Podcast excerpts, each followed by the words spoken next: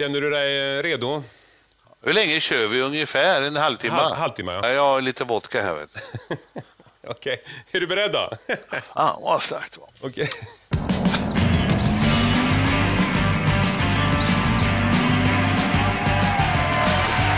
Paul Paljett, välkommen till Turnéliv.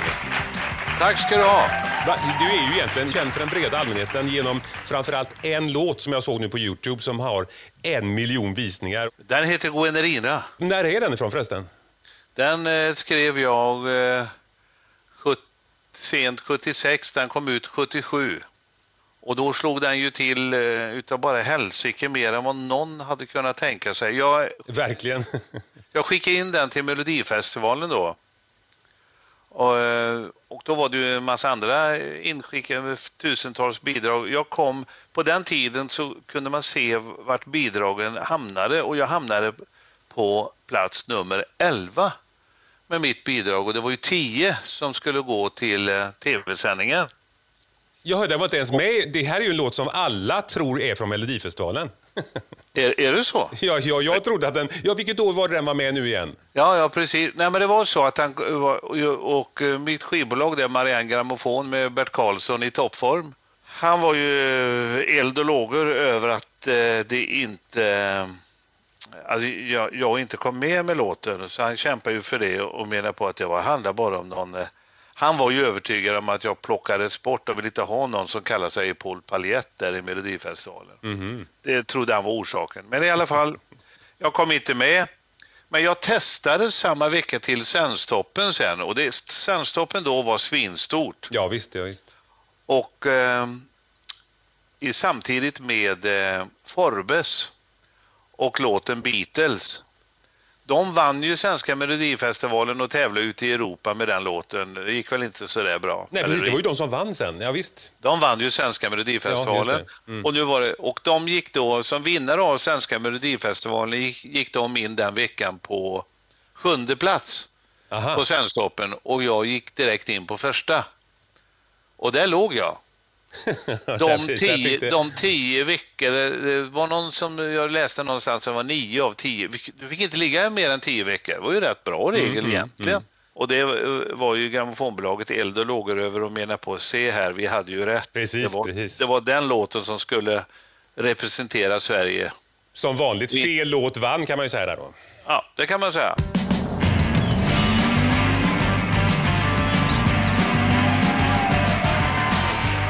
Jag frågar dig direkt förresten, Paul Paljett. Heter du Paljett? Nej, men jag funderar på att ta det namnet i alla fall som ett andra namn. Men det är inte ditt riktiga namn egentligen. Ja, det är så många som säger det i alla fall, men det, det är inte... Det, må- många gånger säger de paljetten till mig sådär, va, som Mm. ett smek, smeknamn då. Ja. Eh, Eller röknamn om man vill. Nej, ja, det, det är bara smickrande. Eh, Ja, precis. Eh, Men så har det inte blivit. Men det var ju ett kontroversiellt namn kan man säga. Det var ju Ja, varför det? Svårt, på grund av att det, det, det, eh, det andades eh, kommersiell lansering och det var ju inte framförallt på 70-talet något fint med det. Jaha, paljetter det är liksom extravagant sådär då? Ja, precis. Jag talade med min vän eh, sedan många år, Artur Ringart, som var radioman på, på Radio Stockholm på den tiden. Han testade ju Abbas nya singel 1979. Eh, eh, vad heter den? Den heter Summer in the City, tror jag. Jag har för mig. Och, eh, när han, han var ju eld och lågor för han skulle få spela denna låt eh, av ABBA, den nya singeln med ABBA först av alla. Och det var ju tufft, tyckte han. Och, och det var det väl kanske. Och så spelade han den. Efter en halvtimme fick han reda på i direktsändning att låten var anmäld till radionämnden. Jaså? Jaså? För att han, och det, anledningen var att han hade spelat en kommersiell skiva. Och då pratar vi om världsgruppen ABBA. Ja, visst. Och när, vilket år var det här ungefär? Det var 79. Ja. Kan du Och förstå? det, det, var, det var inte konstigt att Paul Paljett hade problem också. Nej, nej, med just det, sitt- just det. Tona ABBA det hade, då. Ja, ABBA hade ju också, för att inte jämföra mig med dem i övrigt på något sätt, men det fanns ju all, den här typen av middle of the road eller lite mer kommersialiserade artister som de gärna ville kalla det. Mm. De hade ju klara eh, problem då. Det var ju proggrörelsen som gällde i 190 på den Ja, tiden. ja, det. det är ju tyvärr, eller tyvärr, det är ju jäkligt skönt att det är eh, över. Det är väl inte så vanligt längre med radioanmälningar för just kommersiell musik? Så här. Exakt Joakim. Ja, det är otroligt egentligen. Men eh, hur kommer det till det här Paul Paljett då alltså? Det kom till att jag körde en föreställning i skolan där jag tänkte nu ska jag eh, slå alla rekord här och göra en, liksom en liten... Eh, jag gjorde en liten pastisch, eh, tro, tro, eller en travestering tror jag det heter, på de band som fanns då i slutet av eh, 60-talet och i början av 70-talet. Då var det mycket kul kläder, det var, det var platådojor och liknande. Så ska jag se ut, jag ska vara konferencier, jag ska sjunga några av mina senaste låtar. Eh, ingen visste ju vem jag var. Vadå, dina senaste låtar, det här var ju när du gick i skolan sa du? Ja, jag hade ju lite, jag hade nidlåtar om eh, lärare och sådär, så de Ja, kände ju till ja. mig att jag bara höll på där och eh, ja, skojade lite. Och då sjöng jag några låtar där och så bjöd jag in lärare och elever att få framträda med något trevligt de hade kanske att säga eller sjunga. Och så blev det, det ju en jäkla succékväll det där. Och då kallade jag mig och eh, dramatiklärarinnan hon klädde upp mig i eh, väldigt glittriga, hon sydde kläder till mig faktiskt. Wow! Glittriga kläder och så kallade jag mig, eh, och var jag fick det ifrån det vet jag inte men jag kallar mig Paul Paljett. Ja, det blir bra så. Och så, gick jag, så körde jag den grejen. Och efter det så blev det paljetten på Ja. skolan. Ja, ja. Ja. Men vad, vad var det för skola? Vadå, de, någon som hjälpte en sy upp scenkläder? Ja, det var ju en, eh, en skola för barn med problem. Nej. Nej, det var, det var på gymnasiet. Polhems gymnasiet i Trollhättan.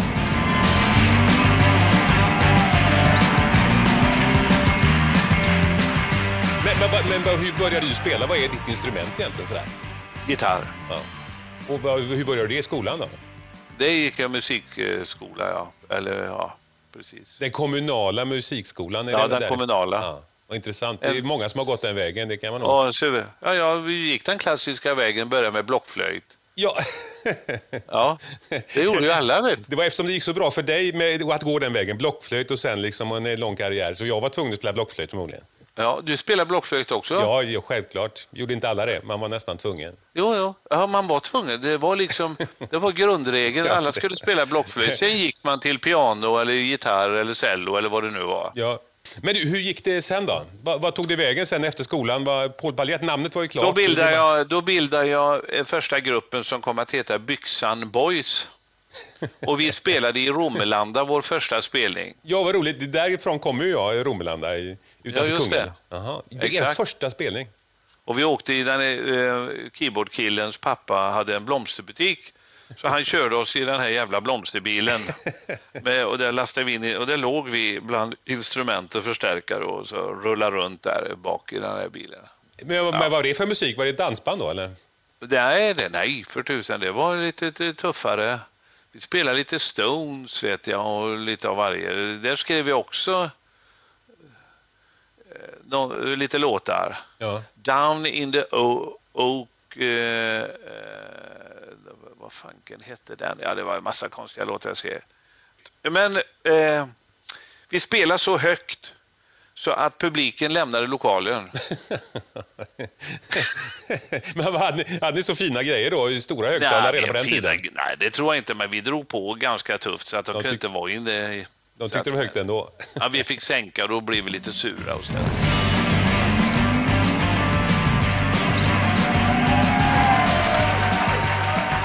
Men jag tyckte det var rätt svårt med band. Det, var, eh, jag var lite egen där. Alltså, grejen för mig det var att skriva låtar. Mm, vad intressant. Ja, I-. Ja, inte artisteri på något vis, eh, eller sådär, eh, entertainer, utan det var låtskrivandet. Och det var ju just det som eh, eh, Marianne Grammofon och Bert Karlsson eh, letade efter låtskrivare, för de byggde upp sitt eh, förlag 1974. Så det var det Men han så ute- kom du egentligen in där i den här världen genom att skriva låtar till andra Ja. också då, eller? ja. Ja. Vad, vad var det för låtar, de tidigare till exempel? Ja, jag skrev då till, då skrev jag, då kom jag in på ett eh, bolag som hade mycket dansmusik. Så jag skrev till Vikingarna, till Skytts, Mhm. till, eh, jag skrev till eh, Rankan och Mats Rådberg. Det är en av mina mest framgångsrika låtar egentligen som de spelade in som heter Du kan alltid lita på grabbarna över Ja, 35. absolut. Det har väl alla hört den låten? Sen, det var, det var, jag skrev till de olika dansbanden där. Det var Kurt Sagers och, och Kikki. Mm. Eh, Danielsson och lite sådär. Och sen ja, men, gjorde jag mina egna produktioner. Och allt det här var under eh, artistnamnet Paul Paljett redan då? då? Precis. Ja, just det. Och sen släppte jag min första skiva då, Två sidor, som kom 76. Och som nu, den 16 januari, har kommit ut på Spotify. Men du, vi, ah. vi, vi backar lite grann där och bara, ja. jag är lite mer nyfiken på, vad, vad tog det vägen där Paul Paljett? När, när pikade hela Paul Paljett-hysterin eh, kan man säga? Det, det avslutades med att jag åkte ner till eh, eh, kontinenten kan man säga med mina skivor under armen. Ja, och eh, var i Holland. I Holland satt jag, i Amsterdam satt jag och lyssnade på eh, ganska ruggiga demos från Elton John på ett skivbolag där. Oj. Sen skulle jag åka ner till att möta Frank Farian, eh, Boney M's manager. Men det mötet blev aldrig av för han var ganska otillgänglig. Aha. Ja, de, hade ju på... max, de hade toppat väl sin karriär där ungefär också. Ja, jag hade med mig manager och allting så var proffsigt. Vet. Så att vi, vi åkte upp mot Hamburg sen och på vägen upp till Hamburg så ringer min kille, med, en norrman faktiskt, Geir Hamnes heter han. Han har ju en kontakt med en producent i Norge. Det är inte så konstigt. Han var ju, bodde i Oslo, Geir, och hade kontakt, eh, en, en nära vän nästan mm. egentligen, av en producent som var gift med en av brudarna i Baccara. Aha, oj. Hon ringer för min räkning till denne Rolf Soja, deras producent. Och Rolf Soja träffar jag när vi kommer upp till Hamburg. Och han blir eld och lågor. Han tror på det här. Jag skriver kontrakt med RCA. Och då gör du eh, låtar på engelska också då alltså? Ja, det var meningen, men det, det följer, då hade jag ju börjat att bygga ett, mitt diskotek i Trollhättan. Ja. så det krockar ju lite där. Och sen tyckte jag det var lite halvtråkigt. Han skulle skriva alla låtar, men han hade ju gjort ganska starka kort. Yes or I can boogie bland annat då. Jo visst, men aha, så var du, du vill använda som en textförfattare egentligen då? Ja, jag kommer inte ihåg riktigt hur det var, nej, men nej. Jag, i, i alla fall initialt där så var det hans låtar som gällde och det tyckte jag var lite halvtråkigt. Så, ja, att så det, det, det rann, rann, ut i, i sanden.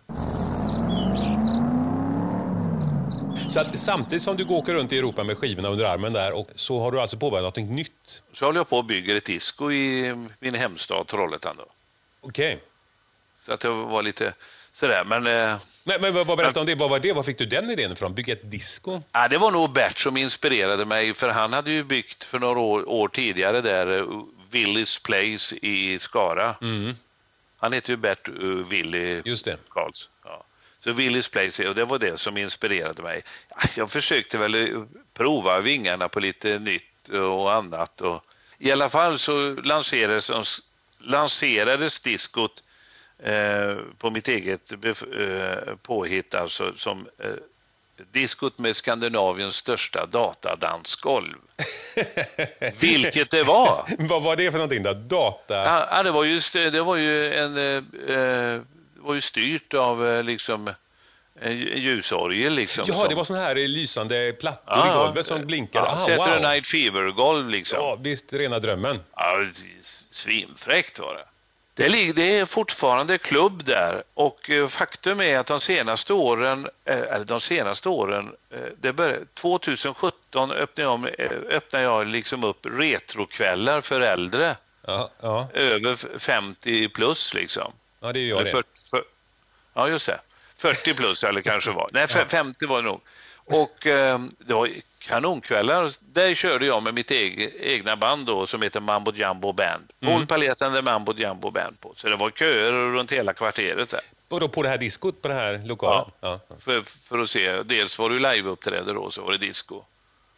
Och men det här var ju på senare tid? Ja, det är 2017. Där. Ja, just det. Men vad är golvet 18. kvar då, det här dansgolvet? Nej, det, mm. nej det, är, det ligger under nuvarande golv, sa de. Mm. Men du, vad tog det vägen det där med diskot där? Hur, vad, varför hände med det egentligen? Då? Nej, det, det la jag ner då när jag öppnade hotellet. Men för att det gick jag... för dåligt? Att, men diskon var väl egentligen Nej, på väg till sista perioden? Inte det gick inte dåligt, eh, men eh, jag vill inte ha två objekt så. Det var mycket, det var mm. mycket med det där. Skadegörelser och hit och dit. Men det var ett gyllene år faktiskt. Men sen startade hotell alltså också då ja. i Trollhättan? Ja, det var, jag fick en förfrågan av fastighetsägaren som ägde även ett annat eh, hus där det, där det fanns ett hotell som hette Hotell Drott. Mm. Så jag köpte Hotell Drott och så rev vi ner det och så byggde vi upp ett nytt som kom att heta Kung Oscar. Men det höll ju inte så länge, det kursade jag faktiskt. men, men, du, men då har du liksom, hur, hur hamnade, ja. har du liksom glidit långt från musikkarriären här? Var ja. det någonting som var liksom på avveckling hela eh, Paul Paljettartisteriet där? Eller? Jag kommer ihåg att jag hade Per Gessle där eh, och Marie Fredriksson övernattade där en natt. Och, och de, de, han rev sig i huvudet, Per Gessle, och sa liksom att eh, förstår inte hur du kan lämna musiken, håller du på med hotell? Ja, ja precis. Eh, det fattar han inte riktigt. Och, vad sa du då? då? Och då tänkte jag till, ja, det fattar inte jag heller riktigt. Jag saknar ju musiken mycket, men mm. eftersom hotellet kursade så kom jag, fick jag en förfrågan från eh, ett dansband, mm. nämligen Säves, som var härifrån. Ja, just det, just det. Och då hoppade jag på det. Och då tänkte jag, du kan skriva låtar. För det fina med dansmusiken det var att du kunde skriva en låt och få den testad live på en publik ganska snabbt. Just det. Det var rätt roligt faktiskt. Men för Före det här med att jag var nere och träffade Rolf Soja i Tyskland och, och Backara-grejen där. Ja. Och var i Holland och nere i München. Och, så för, några år före det så satt jag ju på Pi Records i London. Jag var nere och spelade in eh, en låt som kom att heta, som ligger med på just den här första skivan som heter Två sidor. Ja. Låten heter Reggae Bump och den står jag spelar in i Air Studios i London. Oj! Så det, aha, det, den är gjord i London? Lite, ja, lite störande moment tyckte jag för i en mindre studio det var det ett jäkla väsen från. Och jag, jag, tyckte, jag var lite orolig för att sipprar det inte in här i studio 1 där jag höll till? ja. Eh, möjligt, så vaktmästaren. eh, vad, vad, är det för eh, typer som håller till där liksom, och spelar så fruktansvärt högt? Och då tittade han på mig som jag inte var riktigt klok. Vet du inte vilka som är här och ihop med dig? Nej, och då var det Queen. okay, det var de som satt i den här lilla pyttelilla studion. Ja. så att du har gett ut en skiva där det förmodligen har läckt in lite av Queen, en Queen-inspelning i bakgrunden. Så här. Finns, man, risk, finns risk Om man skruvar upp tillräckligt på grammofonen. Lite. Ja.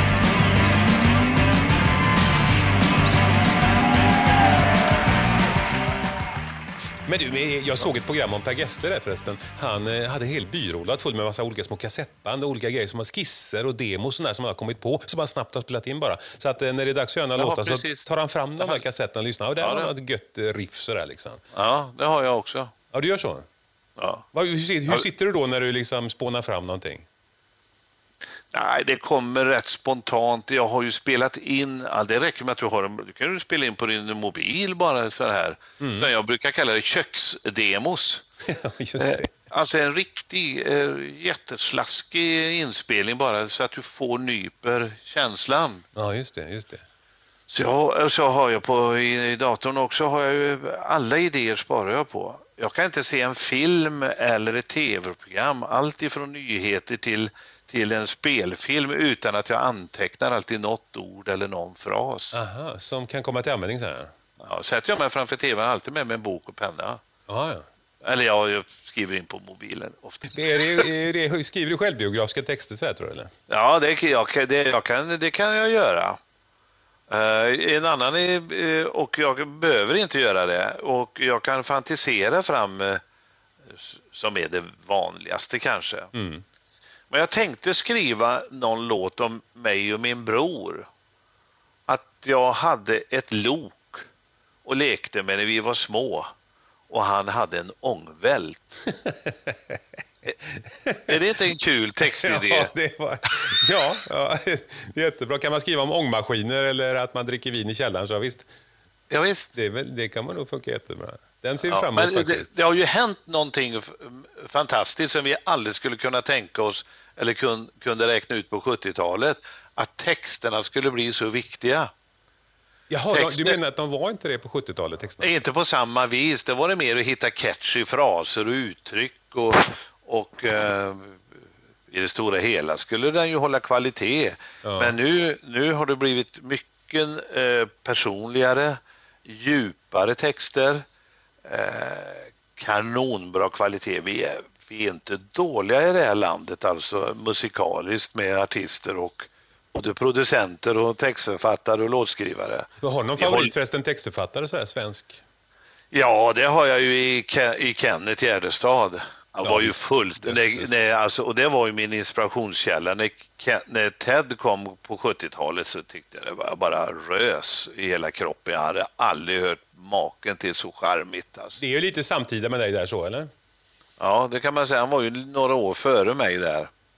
Men, och sen bra texter. Verkligen alltså. Jag fick ju inte till så bra texter så tyckte jag. Så att jag försökte hitta min egen nisch med att eh, hitta på lite fraser och sånt där. Jag skrev en låt som finns på den här två sidor som har kommit ut nyligen. Då.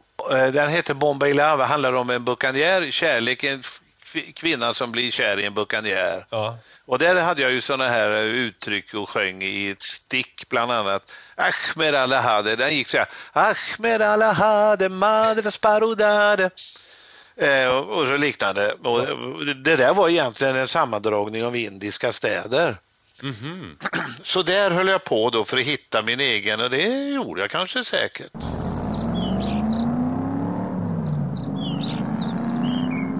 Men, men, men det där med texter, alltså den här Guenerina då. Ja. Där har ju inte du skrivit den texten, eller? Nej, det var Monica Forsberg. Just det. Eh, Vad, vad är Guenerina? Vad, vad finns någon bakgrund? Vet? Det är, ja, det är ett italienskt eh, fantasinamn kan man säga. Mm. Det är lite italienskt inspirerat. Och, eh, smal är gränden där du nu går tysta steg på solvarma stenar. Någonstans en klocka som slår, ord och tankar tiden förenar. Du hör skratt, ser barnen i lekar. Skrattar med men ändå du tvekar. Vem kan tro någonting som man aldrig sett? Det är ju versen där. Där fick vi en, vi tackar för det. Det, det var ju också lite sådär, det var ju faktiskt en, eh, en hit blev det ju av låten, men det var inte många som kunde uttala låten. Nej, precis, jag vet fortfarande inte riktigt hur man säger. Kan du säga vad den heter? Gwenerina. Säger man så? Gu- Guan? Ja. Gwen, Gwen. ja. Gwenerina. ja. Och det, och det blir ju oftast Generina. ja. Ja, Gen, ja. ja, ja just Eller, det. eller som en sa till mig, den är bra den där låten Koenerina. Eller vad fan den heter. Ja, precis. Eller vad fan det heter.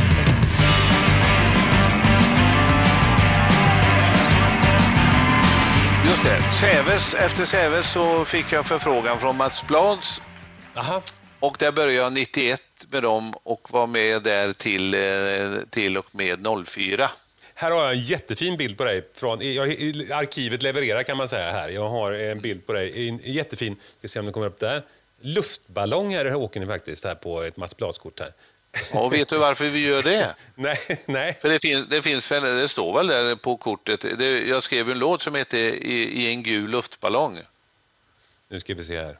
I en gul luftballong. Det är titelspåret på skivan faktiskt. Ja. Fantastiskt. Och detta är Thomas Blads eh, Leende dansmusik 93. Är det året 93 då eller?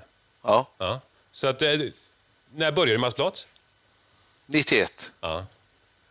Det här är en annan bild där du är lite större. Och jättesnygga slipsar här också. Så. Man har ju Ja, ständigt haft de elegant. finaste kläderna i dansbandsvärlden. Det är ju helt klart. Där. Ja, vacker.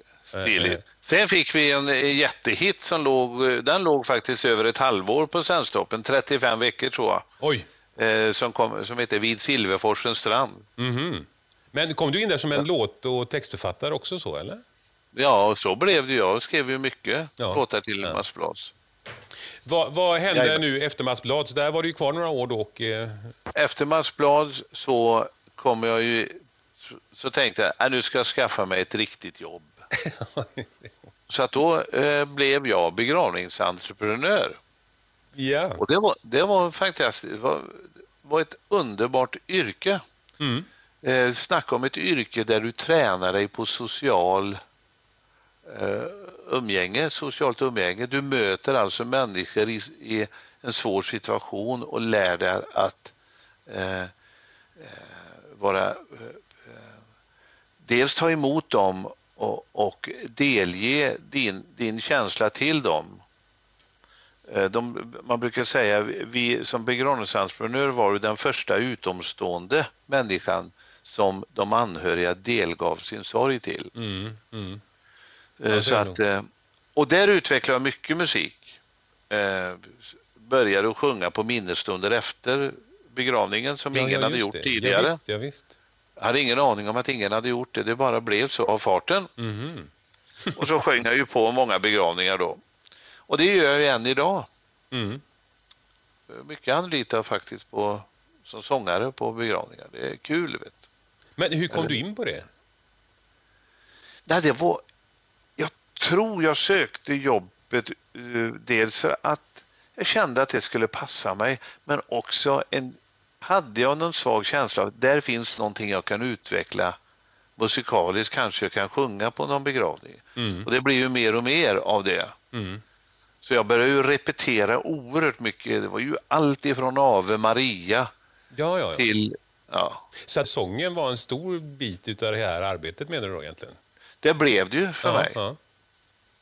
Det, så att, och är än idag. Vilken rolig kombination, eller jag rolig, men vad bra. Ja, ja visst. Det var jätte, en ynnest alltså att få Ja. kunna använda sig av sångrösten. Har någon bett att få Guanerina förresten? Ja, Det är så? ja. Jag har till och med varit med på begravningar, det är ju väldigt sällsynt, men två begravningar där eh, dottern eller kanske maken eller makan utropar efter jag har sjungit så ja men det där och vänder sig mot prästen, det där var väl värt en applåd. så de applåderar på begravningen. Oj då. Men, ja, det känns ju lite... äh, ja, vad gör Ja. man? Vad gör man? Ja, vad gör man? Ja, tack så.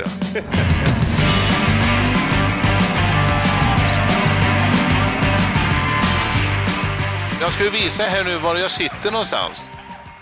Ja, här ser du min cap från 70-talet. Oj, det var väldigt mycket motljus på den. Ja, det kanske var. Ja, nu ska vi se här, det går vi runt lite här och kikar om. Oj, mycket urklipp där på väggen där. Vad är det? Massa eh, olika är singlar? Mats Blads urklipp. Ja, den här har jag är- någonstans, det där kortet. Ja, just det. Oj, här är fina gamla LP. Ja, visst. Ja. Här har vi Japan. Wow. Här ser du fanklubbsbrev från Japan. Oj, oj. Men hur kunde de lyssna på svenska låtar i Japan? Eller vad hade du för Ja, engelska det låtar? då? lanserades, det, jag lanserade en Greatest Hits där nere tror jag. Aha, vad gjorde du engelska texter på den då? Eller? Nej, det gjorde jag inte alls. Jag lanserade en, en LP-skiva som heter Angel Face. Ja. Och den har jag här. Oj, nu tappar vi mottagningen här. Ska vi se om det kommer tillbaka alldeles strax. Eh, då Ja. ska vi se ett ögonblick. Ja, då rullar vi vidare då. Kul! Precis. Oj, här är det guldskivor. Ja, Det finns inget som är så svårfilmat som guldskivor, eller hur? nej precis. Ja. ja den här får vi se. Veckorevyn, den är lite fin. Fenomenet Paul Paljett som... Vad står det? Vad står det på? Allt skulle spåra ur om jag blev kär. Ja, vad, vad betyder det? Det förstod vi aldrig, liksom, vi som läste den artikeln. Vad, vad menar de? Ingen aning. Vad, vad, det är ju du som har sagt det, säger de ju. Ja, det har jag nog sagt. Att jag vågar inte bli eh, ha någon där hemma utan jag var ju ständigt på resande fot. ja, ja, ja, ja, just det. Men vad roligt. Här, vem är det här då? Pugh Rogefeldt och jag. Ja, vad kul. Det, var, det kan man ju säga var nästan var den initiala inspirationskillen till mig. Han var först med att sjunga rock på svenska. Aha. Och här, oj, där ser man hur publiken bara skriker efter för att Ja, få en sån här Elvis-näsduk utav dig som är indränkt i svett. Min baby blev stulen på BB och... är, är detta din fru som är den hemliga flickvännen där? ja precis. Det är det? Oj, vad roligt. Men det är väl kul. Då är det ett extra roligt urklipp. Ja, visst. Snart så är det kaffe. Det är bara... Ja, ja, det är bara det som gäller nu. Ja, fy sjutton är man inte slut. Eh, Det spelar ju ingenting jämfört med att intervjua. Jag ska bara fråga. Det är, vad heter det, Europatoppen måste du berätta om bara. Du vann ju där. Ja, ja precis. Men det var ju en fantastisk grej. Då ringde min bokare, han heter Pelle Nilsson, han var en ganska stor bokare på den tiden. Han ringde på natten och var alldeles hysterisk. Du har vunnit i Europa. Det var alltså Europatoppen hette det ja. Ja, just det. Och där var, där vann jag med 200 poäng mer än tvåan. Det, var, det där var det väldigt stort menar de på tyckte. Och Boney M hade en hit med på, i tävlingen där också. Ma Baker var det, ja. Just det. Ma Baker, ja, vad påläst du är. Ja, det är klart. Ma Baker, de kom fem eller sexa. Sexa. Sexa. Mm. Ja, visst, helt otroligt. Så att det, det, ja. var tur du inte satsade på Bonnie M då och körde själv istället. Det var ju helt rätt väg då. Precis. Men, nu ska vi höra. Just You Can Dance spelar jag in nu i ett medley som jag håller på med också. Den låten som du vann med där, eller? Precis. Ja. ja jag gör en nyinspelning på den ihop med eh, en låt som heter Little Cherry, en låt som heter Anden i lampan och eh, egna låtar då alltså. Och sedan Golden Gate. Ja. Och Ung och evig, en melodifestivalslåt. Just det. Från 87. Ja, vad kul. Ja, det är kul att hålla på vet Ja, tack så mycket för att du vill vara med i på. Det var jättekul. Ja, du är välkommen igen. Ha det bra så länge. Detsamma. Hej då. Hej. Hej. Hej.